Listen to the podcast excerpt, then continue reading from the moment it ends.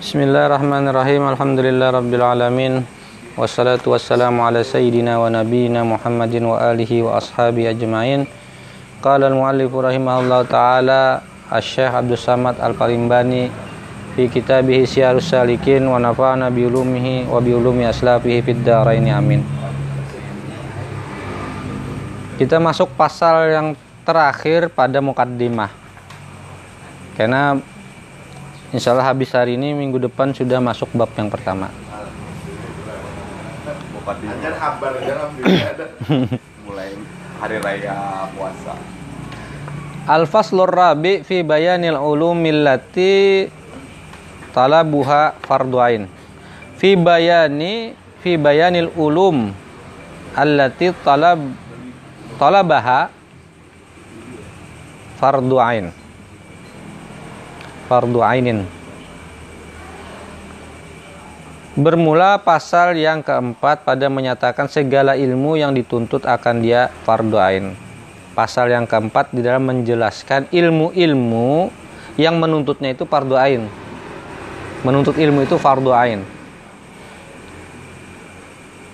Bermula ilmu yang diwajibkan fardu ain artinya fardu ain itu kan wajib bagi setiap orang. Setiap orang wajib belajar ini muslim terutama lah uh, mukallaf akil balik. Pada menuntutkan akan dia itu tiga perkara. Ada tiga ilmu yang fardu ain. Pertama ilmu tauhid yaitu dinamakan ilmu usuluddin. Ilmu tauhid itu atau ilmu usuluddin. Dan dinamakan pula ilmu akidah. Jadi kalau menyebut tauhid menyebut usuluddin menyebut akid ilmu akidah sama aja itu satu itu juga barangnya. Yang kedua ilmu syariah yaitu dinamakan ilmu furu ilmu percabangan dan dinamakan ilmu fikih bisa juga disebut ilmu syariat bisa disebut ilmu furu bisa disebut ilmu fikih ketiga ilmu batin yaitu dinamakan ilmu suluk dan ilmu tarekah dan dinamakan ilmu tasawuf. Iya ilmu batin yaitu maksudnya tasawuf yaitu maksudnya ilmu tarekah atau ilmu suluk sama aja itu. Jadi ada tiga lah. Pertama tauhid itu belajar tentang Tuhan, sifat-sifatnya yang wajib, yang mustahil, yang harus, yang boleh. Kemudian belajar tentang malaikat-malaikat, ya paling kira tahu lah nama-namanya kan. Yang 10 barang. Habis itu tahu nabi dan rasul. Dan tahu sifat-sifat rasul yang wajib yang mustahil yang harus. Itu tauhid. Yang terus ilmu fikih ya yang kita pelajari tadi saya bilang mutadin. Terus ilmu batin ilmu tasawuf ya ini. Siarus salikin Ya itulah yang tersebut di dalam hadis. Ini sebagaimana disebutkan di dalam hadis Nabi kita sallallahu alaihi wa alihi wasallam talabul ilmu talabul ilmi faridatun ala kulli muslimin. Nah, yang dimaksud dengan ini adalah ilmu yang tiga tadi. Artinya bermula menuntut ilmu itu fardu fardu atas tiap-tiap orang yang muslim yang akil balik.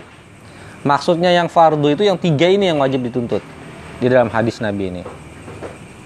Adapun pada ini Adapun kadar yang wajib fardu ain pada menuntut ilmu tauhid itu yaitu nah sejauh mana kita menuntut ilmu tauhid karena kalau kita belajar ilmu tauhid sampai ke dalam-dalamnya dalam benar kan sampai kena qahidatul wujud segala itu tauhid juga masih. Iya, gitu. Nah, ah, itu tauhid ilmu tauhid. Tapi sejauh mana gelang kita yang wajib fardu ain itu sejauh mana?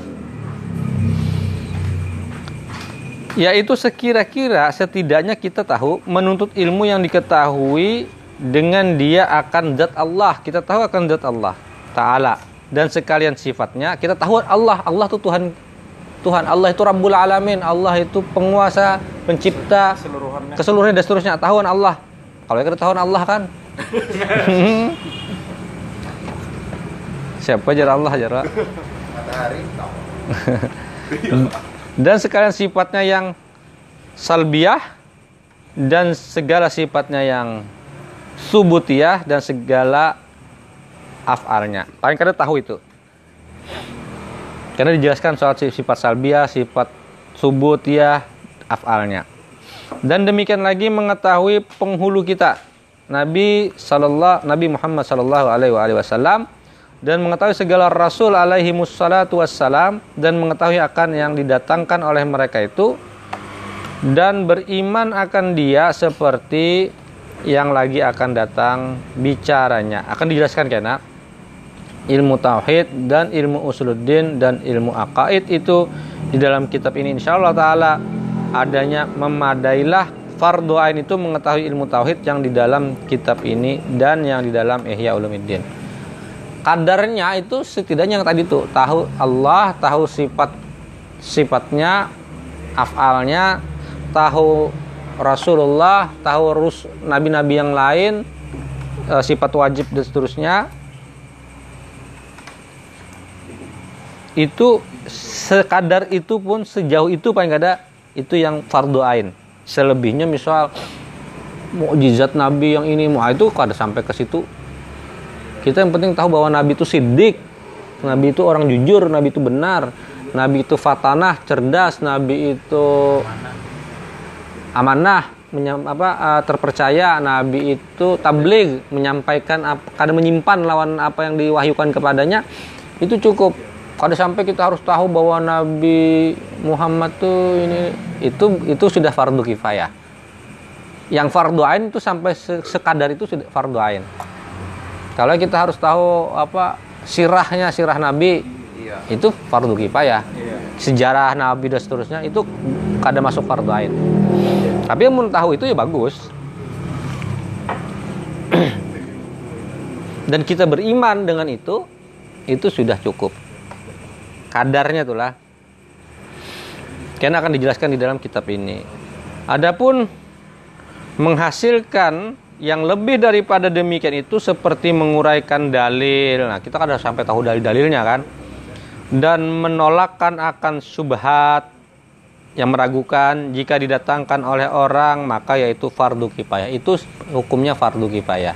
Artinya cukup di antara kita ada satu orang yang paham lalu yang mampu menjelaskan kita tahu itu cukup. Pada sampai kita semua harus menuntut ke situ.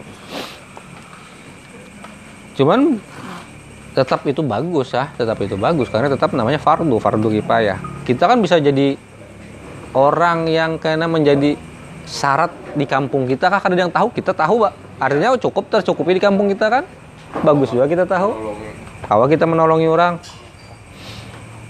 Bahwa bukan fardu ain. Dan tiada dituntut akan orang yang suluk yang menjalani jalan akhirat itu akan membanyakkan ilmu usuluddin yang fardu kifayah itu dan hanya saja yang dituntut akan mereka itu mengetahui fardu ain juga. Orang yang suluk, orang yang ingin sampai kepada Allah, kada wajib sampai tahu yang lebih dari itu. Tapi itu fardu kifayah. Dan dari karena inilah kata Syekh Al-Arif Billah Syekh Qasim Al-Halili Al-Halabi di dalam kitabnya yang bernama Siarus Suluk Sairus Suluk wala yang bagi lisaliki ay apa? Ayat ayat tagil ayat tagila ayatu ayatu gilla fi ilmil aqaidi li annahu faidatul la li annahu la faidata lahu fihi. Bal ya'khudhu minhu bal ya'khudh minhu biqadri ma yahtaju ilaih. Ini kata Syekh Qasim Al-Halabi. Artinya dan tiada siogianya bagi orang yang salik yang menjalani jalan akhirat itu bahwa membanyakkan di dalam ilmu akaid.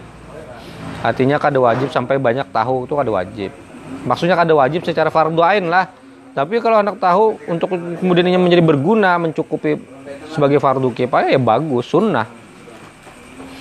Yakni usuluddin karena bahwasanya tiada memberi faidah di dalam membanyakkan akan yang demikian itu tetapi mengambil ia daripada ilmu akaid itu dengan sekira-kira yang muhtaj yang diperlukan kepadanya supaya ia beriman. Itu cukup. Cukup sampainya beriman dengan Allah itu cukup. Beriman dengan Rasul. Ya ini sekedar fardu ain itu juga. Adapun kadar yang wajib fardu ain pada menuntut ilmu fikih itu nah yang kalau dalam hal ilmu fikih sejauh mana fardu ainnya maka yaitu sekira-kira menuntut ilmu yang diketahui dengan dia itu akan fardu taharah dan fardu sembahyang dan puasa dan memberi zakat jika ia mampu.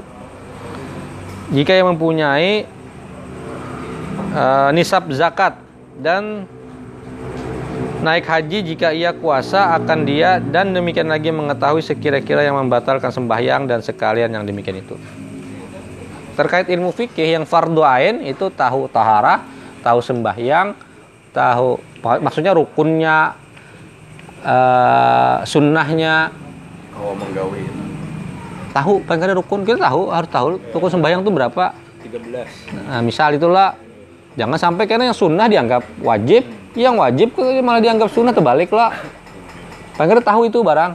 Tahu wajibnya yang wajib yang syarat yang yang rukunnya wudhu tuh yang mana aja.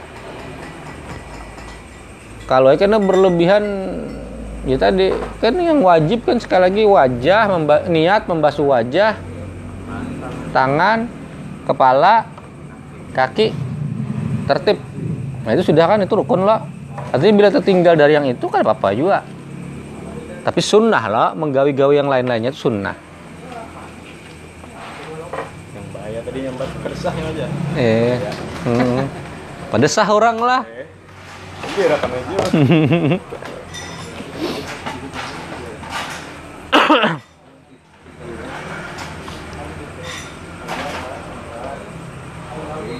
tahu tahu sembahyang tahu puasa mana rukun mana yang membatalkan dan seterusnya tahu berjakat bila sampai nisab zakat kita tuh tahu ya. kita pengen ada kita ini sudah bisa duit sekian, bisa simpanan emas sekian. Karena tahu kita, padahal kita ini sudah sampai nisabnya, itu harus tahu kita fardu ain itu. Sejauh mana kita tuh bis bisa duit wajib kena zakat atau bisa harta benda yang lain wajib kena zakat itu harus tahu kita. Itu fardu ain. Jangan sampai tahu. Ya. Dan naik haji bila mampu.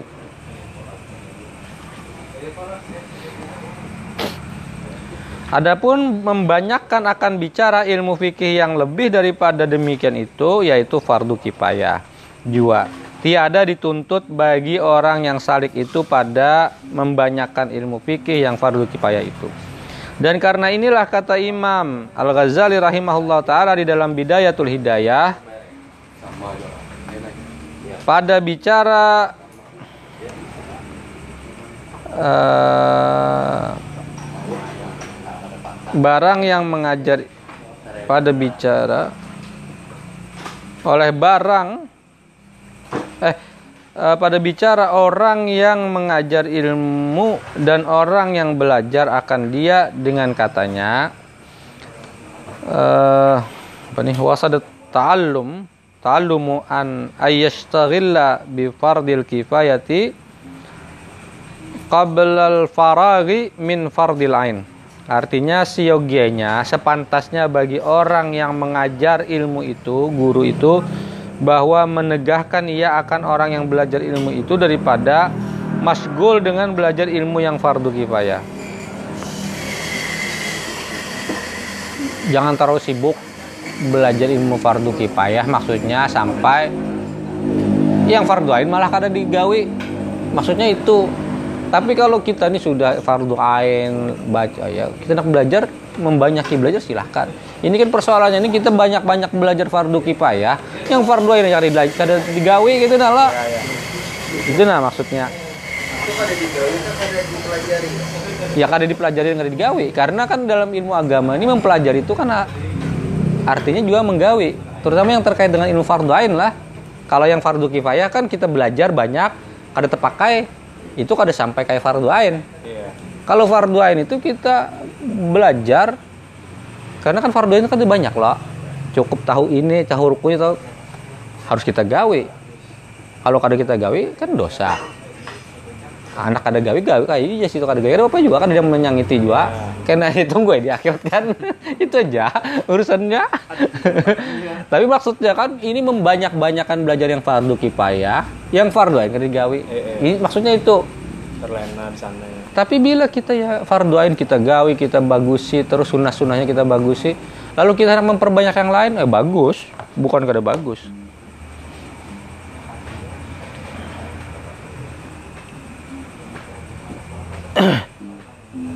Si yogyanya kan seorang guru mencegah muridnya untuk belajar membanyak-banyak belajar ilmu fardu kifayah dahulu daripada selesai ia daripada menuntut ilmu yang fardu ain. Ya, itu maksudnya lah yang tiga perkara itu yaitu ilmu tauhid. Maksudnya tadi itu ya, fardu ain jangan tuntung membanyak-banyak ya fardu kifayah tahu itu yang harus disampaikan oleh guru di awal.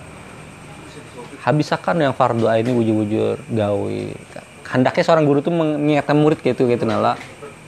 Soal murid menggawe kadang menggawe. Sekali lagi urusan murid lah. Guru ini menyampaikan. Kayak itu maksudnya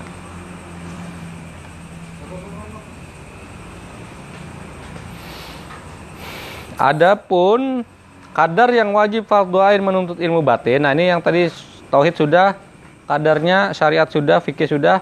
Ini yang far, eh, pada ilmu tasawuf maka yaitu sekira-kira menuntut ilmu tasawuf yang menyucikan hati daripada segala sifat yang kecelaan seperti ujub dan ria dan hasad dan takabur dan barang sebagainya daripada segala sifat kecelaan yang lagi akan datang bicara itu di dalam kitab ini insyaallah taala pada bicara al-muhlikat. Yes, supaya kita tahu tentang penyakit hati.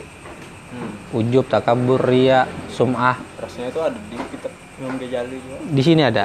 Karena akan di- dijelaskan di sini jinya. Tapi itu paling kada wajibnya se- sejauh itu wajibnya ingat ya dan demikian lagi wajib fardu ain itu berperangai dengan segala sifat yang kepujian seperti zuhud eh, dan wara dan ikhlas dan tawadhu dan sabar dan syukur dan barang sebagainya seperti yang lagi akan datang bicara. Maksudnya akan datang bicara itu maksudnya akan nanti akan dibicarakan. Di dalam kitab ini pada bicara munjiat al munjiat insyaallah taala dan memadailah fardu ain pada ilmu tasawuf. Itu mengetahui barang yang di dalam kitab ini dan barang yang di dalam minhajul abidin seperti yang dikata oleh al arif billah taala Yahya an nufus muhyin nufus as sayyid Abdul Qadir al Aidarus di dalam kitabnya bernama ad-dur thamin ad ya ad-dur thamin fi bayanil muhim min ilmid din dengan katanya walitahsila wal walitahs wal apa nih walitahsil hadzal walitahsili hadzal qadri yakfil amalu bi kitabi minhi minhajil abidin. Wa tafsili hadzal ilmi laisa fardul ain. Laisa fardil ain. Artinya kata Imam Abdul Qadir Al-Aidarus dan menghasilkan pada ilmu tasawuf yang fardu ain itu memadailah dengan mengamalkan yang di dalam kitab Minhajul Abidin bagi Imam Al-Ghazali rahimahullah taala dan perceraian. Nya bicara ilmu yang lebih daripada yang tersebut di dalam kitab Minhajul Abidin yaitu bukannya fardu ain hanya saja fardu kifayah juga. Artinya kita mempelajari kitab ini sudah tercukupi yang fardu ain. Atau yang dikatakan dalam kitab Minhajul Abidin. Itu sudah tercukupi kita kada wajib mempelajari yang di luar ini. Kalau anak belajar tasawuf tuh sebenarnya cukup dengan kitab ini pun cukup. Ya. Ini sudah diringkasakan. Selebihnya fardu kifayah. Anak belajar silahkan belajar. Makin banyak belajar makin bagus. Tapi ya sekali lagi munkawa jangan dilupakan yang al uh, masyaikh masyaikh itu selalu mengingatkan atas tasawuf itu at-tariqah itu al ilm wal amal. Ilmu dan amal. Adapun kita kemudian mengamalkannya kada sempurna kada apa penting kita berusaha mengamalkan. Ya berusaha kita kan menyempurnakan tapi tertinggal sekali ya bukan harus kemudian kita menyerah. Coba lagi coba lagi sampai kita ini kan sampai kita akhirnya sempurna. Di dalam yang fardu ain aja ada pun juga tertinggal nang fardu ini banyak-banyak minta ampun ya lagi lah Jangan sampai merasa biasa aja nang fardu itu tertinggal gitu dah. Iya. Merasa biasa kayak ada masalah. Minimal benar tuh merasa berdosa barang, minimal benar. Iya.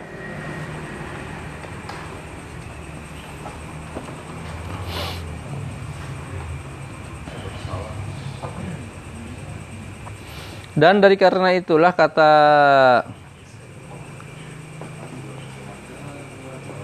kata Ibnu Ubbad radhiyallahu an di dalam syarah Hikam dengan katanya wa hadhihi hiyal ulum allati yanbaghi lil insani ay yastaghriqa fiha umruhu at-tawilu at-tawil umruhu at-tawilu wa la yanfa'u minha bikathirin wala qalilin wa masiwa hadhihi hadhihi al-ulum qad la yahtaj ilaiha la yahtaju ilaiha wa rubama adarru bisahibihi mudawa matuhu alaih mudawa matihi alaiha. Artinya bermula segala ilmu ini yakni tasawuf ini yaitulah ilmu yang seyogianya bagi manusia itu bahwa mengkaramkan ia di dalam menuntut akan dia. Habis-habisnya belajar olehnya oleh umurnya yang lanjut itu. Yakni dihabiskannya umurnya itu di dalam menuntut ilmu tasawuf itu. Walaupun sudah belajar ya ada apa lagi belajar lagi ada apa juga kan? Belajar terus. Dan jangan memadai daripadanya dengan banyak dan jangan memadai dengan dengan sedikit. Jangan merasa cukup dengan oh sudah banyak juga tahu. Apalagi sedikit. Sudah jual tahu jar. Bapak belajar aja. Soal kita tahu sudah ya sudah. Akhirnya apa juga? Kalau ada ruginya juga.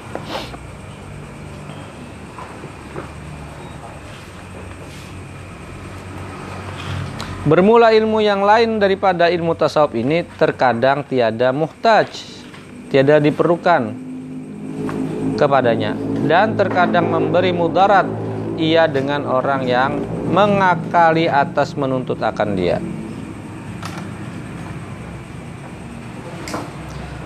Dan karena inilah kata Syekh Husain bin Abdullah Afdal Bafadal di dalam kitabnya yang bernama Fusulul Fathiyah dengan katanya fadunaka wattaghalghul fi ulumi hadat ta'ifatil arifati as-sufiyatil masyghulah al-masyghulah masyghulah billahi. Apa nih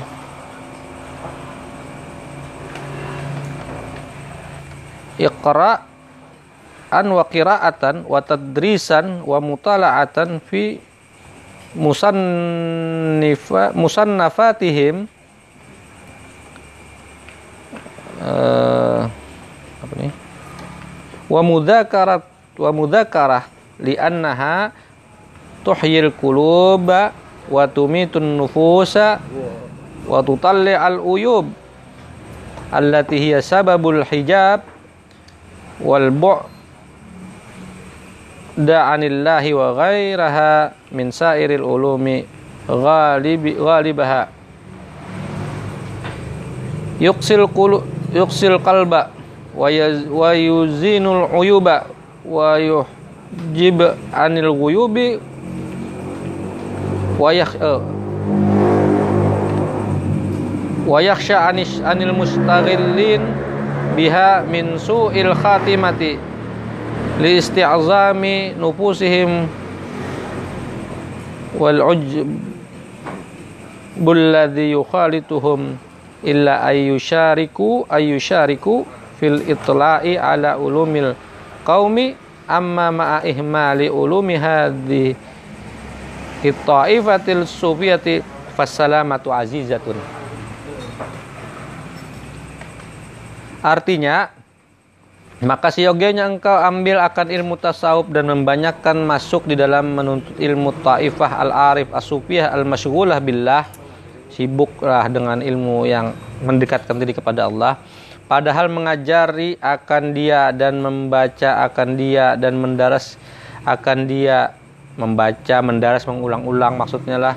Dan mutalaah mengulang-ulang akan dia. Dan mudzakarah saling apa mengingatkan be, kayak berdiskusi gitu lah. Ini mudzakarah juga namanya lah. Ya mudzakarah akan dia di dalam kitab yang dikarang oleh mereka itu karena bahwasanya yang demikian itu menghidupkan karena yang dengan belajar ilmu yang semacam ini menghidupkan hati dan mematikan nafsu dan melihatkan ia aib dirinya tahu aib dirinya yang yaitu sebab yang aib itu menjadi sebab jadi dinding dan jauh daripada Allah Ta'ala. Karena aib kita itu yang menjauhkan kita daripada Allah menjadi dinding kita dengan Allah. Makanya kita wajib tahu ini supaya menyinari hati kita menghidupkan hati kita.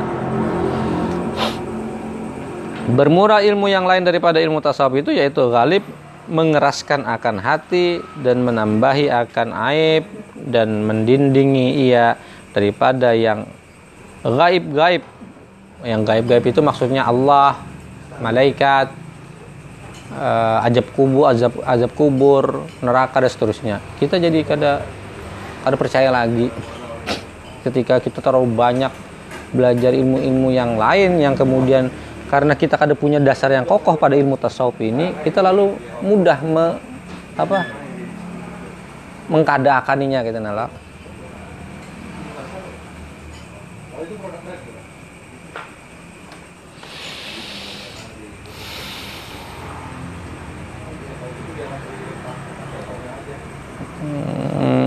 Menambahi akan aib dan ini daripada aib dan dan ditakuti atas orang yang masyghul dengan dia itu mati di dalam kejahatan di dalam maksiat. Karena galib bagi orang yang masyghul dengan yang demikian itu jadi membesarkan ia akan dirinya menjadi takabur mereka itu. Dan karena ujub mereka itu yang mencampur ia akan amal mereka itu. Melainkan jikalau menyekutui mereka itu di dalam bersekutu maksudnya bersekutu mutala akan kitab ahlus sufi maka yaitu terkadang terpelihara dari pada yang demikian itu. Dengan belajar ilmu tasawuf ini kita paling kada ya teringat-ingatakan lah lah. Umpama um, adapun serta meninggalkan akan ilmu ahli taifah asufiyah ini maka sejahteranya itu sangat aziz yakni sangat sedikit sangat lemah. Makanya kada selamat lah kayak itu intinya kayak itu. Kalau meninggalkan ilmu ini ya silahkan belajar ilmu yang lain banyak-banyak bagus saja. Tapi ilmu ini juga harus juga paling kadang mengingatkan hati kita menghidupkan hati kita. Selamat insya Allah dan dari karena inilah berkata Imam Al-Ghazali rahimahullah taala di dalam Ihya Ulumuddin uh, ia nukil daripada setengah ulama yang arifin dengan katanya man lam yakun lahu nasibun min ilmil qaumi ya khafu alaihi uh, su'u ul khatimah. Wa adana nasibun minhu wa adana nasibun minhu at-tasdiq ku wat taslimu li ahlihi. Artinya barang siapa tiada baginya bahagian daripada mengetahui ilmu kaum ahli sufi itu niscaya ditakuti ditakutkan dikhawatirkan atasnya mati di dalam kejahatan dan di dalam maksiat dan sekurang-kurang bahagian daripada itu membenarkan akan ilmu kaum ahli sufi itu dan e, mentaslimkan bagi ahlinya. Setidak-tidaknya kita kadang menyambat ilmu ini ilmu yang kadang berguna itu barang. Lah setidaknya gitu nala. Setidaknya membenarkan barang. Sedikit dikitnya tuh kita kada kita kada tahu juga sedikitnya itu barang. Dan setuju mentaslimkan itu kan sepakat dengan itu. Dan kata penghulu ahli sufi yaitu Junaid al-Baghdadi Syekh Junaid al-Baghdadi rahimahullah taala atas diku yu'allimuna bi ilmina hada wilayatun sughra Artinya bermula orang yang membenarkan dengan ilmu kami, ilmu tasawuf ini yaitu wali Allah yang kecil. Kata Imam Junaid Al-Baghdadi membenarkan ilmu ini aja itu sama dengan wali kecil. Wali masuk wali kecil. Itu kata Imam Junaid lah. Membenarkan aja.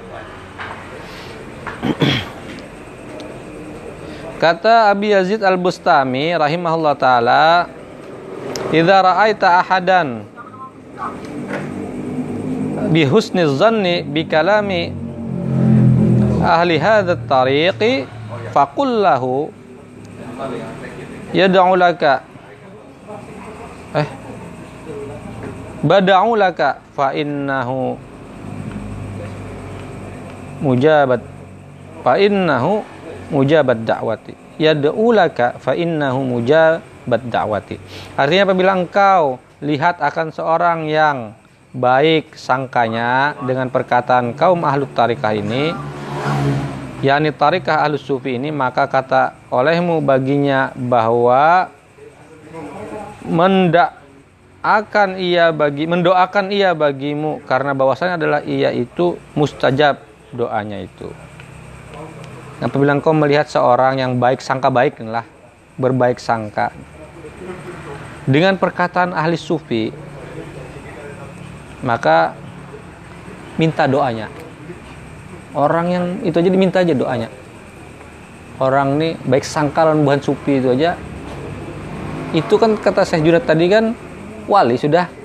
Orang yang membenarkan perkataan ahli sufi itu itu wali kecil sudah jadi bilang kau melihat orang yang membenarkan husnuzan dengan orang-orang seperti ini, minta doanya. Karena doanya mustajabah, Jar. Jar Abu Yazid Al-Bustami.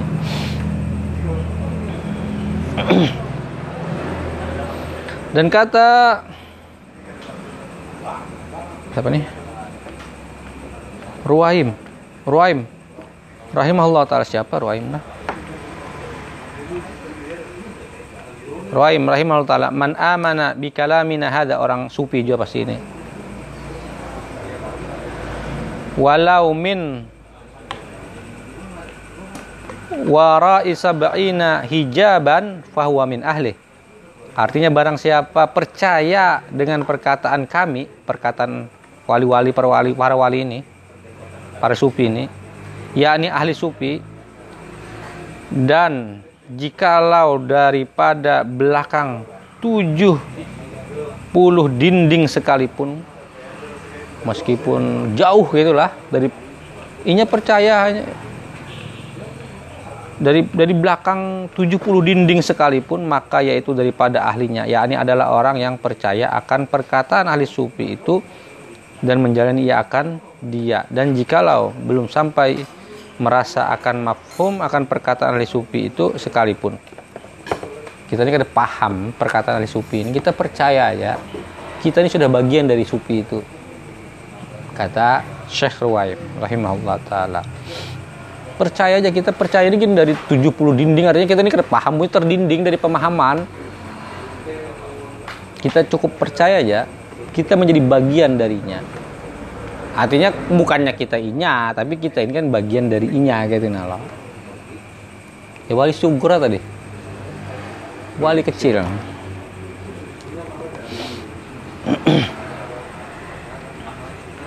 Itu kan harus diakui tapi yang mengakui Abu Yazid. Eh Junaid al-Baghdadi yang mengakui itu. Itu penghulunya para sufi itu maka adalah yaitu dibilangkan daripada ahli sufi. Wallahu wabillahi taufik wal hidayah wala haula wala quwata illa billahil aliyil azim. Ya setidaknya ada menyambat bid'ah ya. Percaya aja walaupun kita kada paham percaya aja benar. Tapi yang kita percaya ini kan orang yang yang alim dia yang yang benar lah. Kita berpilih juga mempercayai orang. Iya. ini sembarang sembarang percaya eh sasat kita. Kita, kita kan ada paham perkataan dengan orang sufi yang benar ini adalah cukup sudah. Kita percaya cukup. Kita ini wali juga wali kecil namanya. Habis sampai di situ Al-qismul awal fi bayani usuluddin wa huwa al-i'tiqadat wa fi bayani ta'ati wa fihi asyaratu abwabin. Bermula bahagian yang pertama itu pada menyatakan ilmu usuluddin yaitu ilmu i'tiqad al-sunnah wal jamaah dan i'tiqad al-asyariyah wa sufiyah dan pada menyatakan segala taat yang zahir dan dalilnya itu 10 bab. Ada 10 bab. Karena bab yang uh, 10 fasal mungkin maksudnya ini. Ini kan babul awal fil i'tiqad. Al-bab yang pertama di dalam akidah, di dalam persoalan akidah. Itu ada 10 bab di dalamnya. Ya kan, minggu depan. Mudah-mudahan yang ini cukup pembahasan malam ini dan mudah-mudahan bermanfaat. Assalamualaikum warahmatullahi wabarakatuh.